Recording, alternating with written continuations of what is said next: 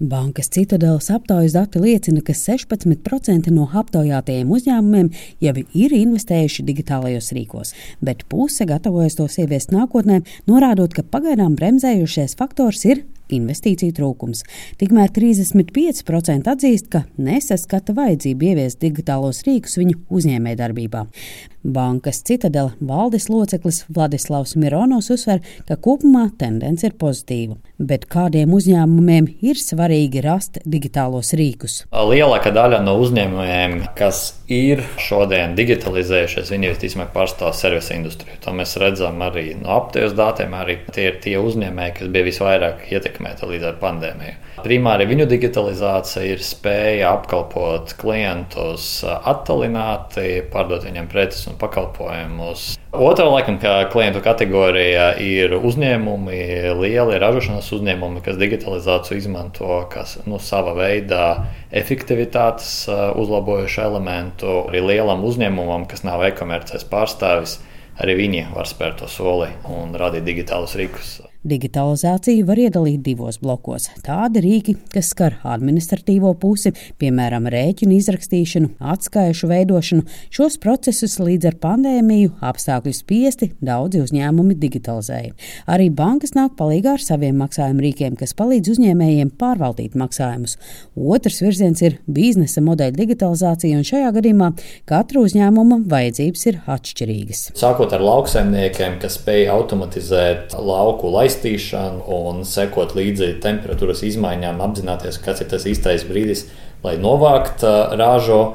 Mēs redzam, ka daudzi arī tādi lielāki uzņēmumi investē arī automatizācijā, lai ātrāk saražotu produkciju, iesaistot ar vien mazāko cilvēku resursus. Principā biznesa modeļa izmaiņā ir nākamais lielais uh, process, bet šai digitalizācijai, protams, uh, ir visticamāk, viņa nāks ar lielākām investīcijām, ar uh, aizdevumiem, kurus uh, uzņēmumiem nāksies paņemt no finanšu iestādēm. Vladislavs Mironovs uzsver, ka katram uzņēmumam jāanalizē, vai biznesa modeļa digitalizācija var kalpot par nākamo izaugsmes pavērsienu un palīdzēt atnest aizvien lielākus ienākumus. Otra lieta, ja mēs runājam par uh, lielākām pārmaiņām, ar lielākiem uzņēmumiem. Protams, mēs šeit runājam sākot no kaut kādiem desmitiem, simtiem tūkstošiem līdz pat miljoniem. Un katram uzņēmējam tas ir jau savs konkrēts lēmums. Vai šādā lielākas pārmaiņas, infrastruktūras pārmaiņas, vai tiešām nesīs labumu, un ja nesīs, tad uh, var arī iet šai digitalizācijai. Lauksaimniecības uzņēmums Sijā Tārgalīte darbojas piena lopkopībā un augkopībā. Tārgalītes valdes locekle Ieva Zariņa atklāja, ka lielākie digitalizācijas procesi saimniecībā veikti tieši pandēmijas laikā, bet nevar apgalvot, ka krīze bija tam stimuls. Jau iepriekš uzņēmēji māca šaubas par darba roku trūkumu. Nu, govis slauc trīs roboti un cilvēki ir šo robotu uzraugi. Nākotnē iecerēts iegādāties vēl vienu robotu. Līdz šim kopējās projekta izmaksas ir 1 miljons un 800 tūkstoši eiro.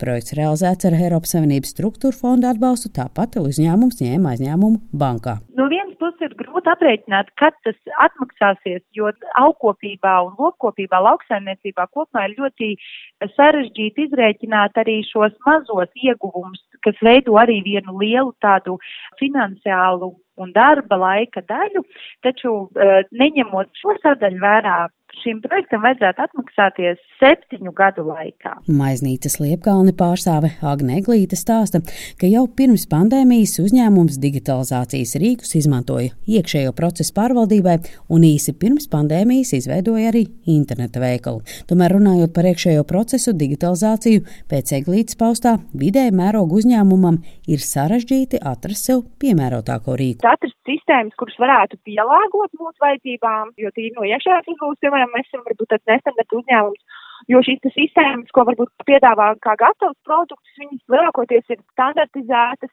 un salīdzinoši dārgi viņas pielāgot. Tad ļoti jāizvērtē, kuras sistēmas vai kuras digitalizācijas procesi tad galu galā sniedz atslogojumu manuālam darbam, bet kurā gadījumā tas tās investīcijas nav atsverams pret to, kā tiek veikts varbūt manuāls apkopojums vai manuāla darbība.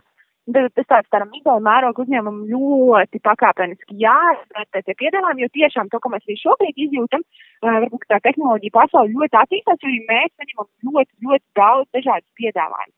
Kā digitalizēt dažnes dažādākos uh, uzņēmumā iekšējos procesus, ārējos procesus. Bet nu, mēs tā ļoti uzmanīgi vērtējam. Agne Heglīte akcentē, ka tehnoloģija pasaule attīstās ļoti strauji, piedāvājuma klāsts ir patiesi plašs, bet katram uzņēmumam jāizvērtē, kas tam der un kas ne. Linda Zalāne, Latvijas radio.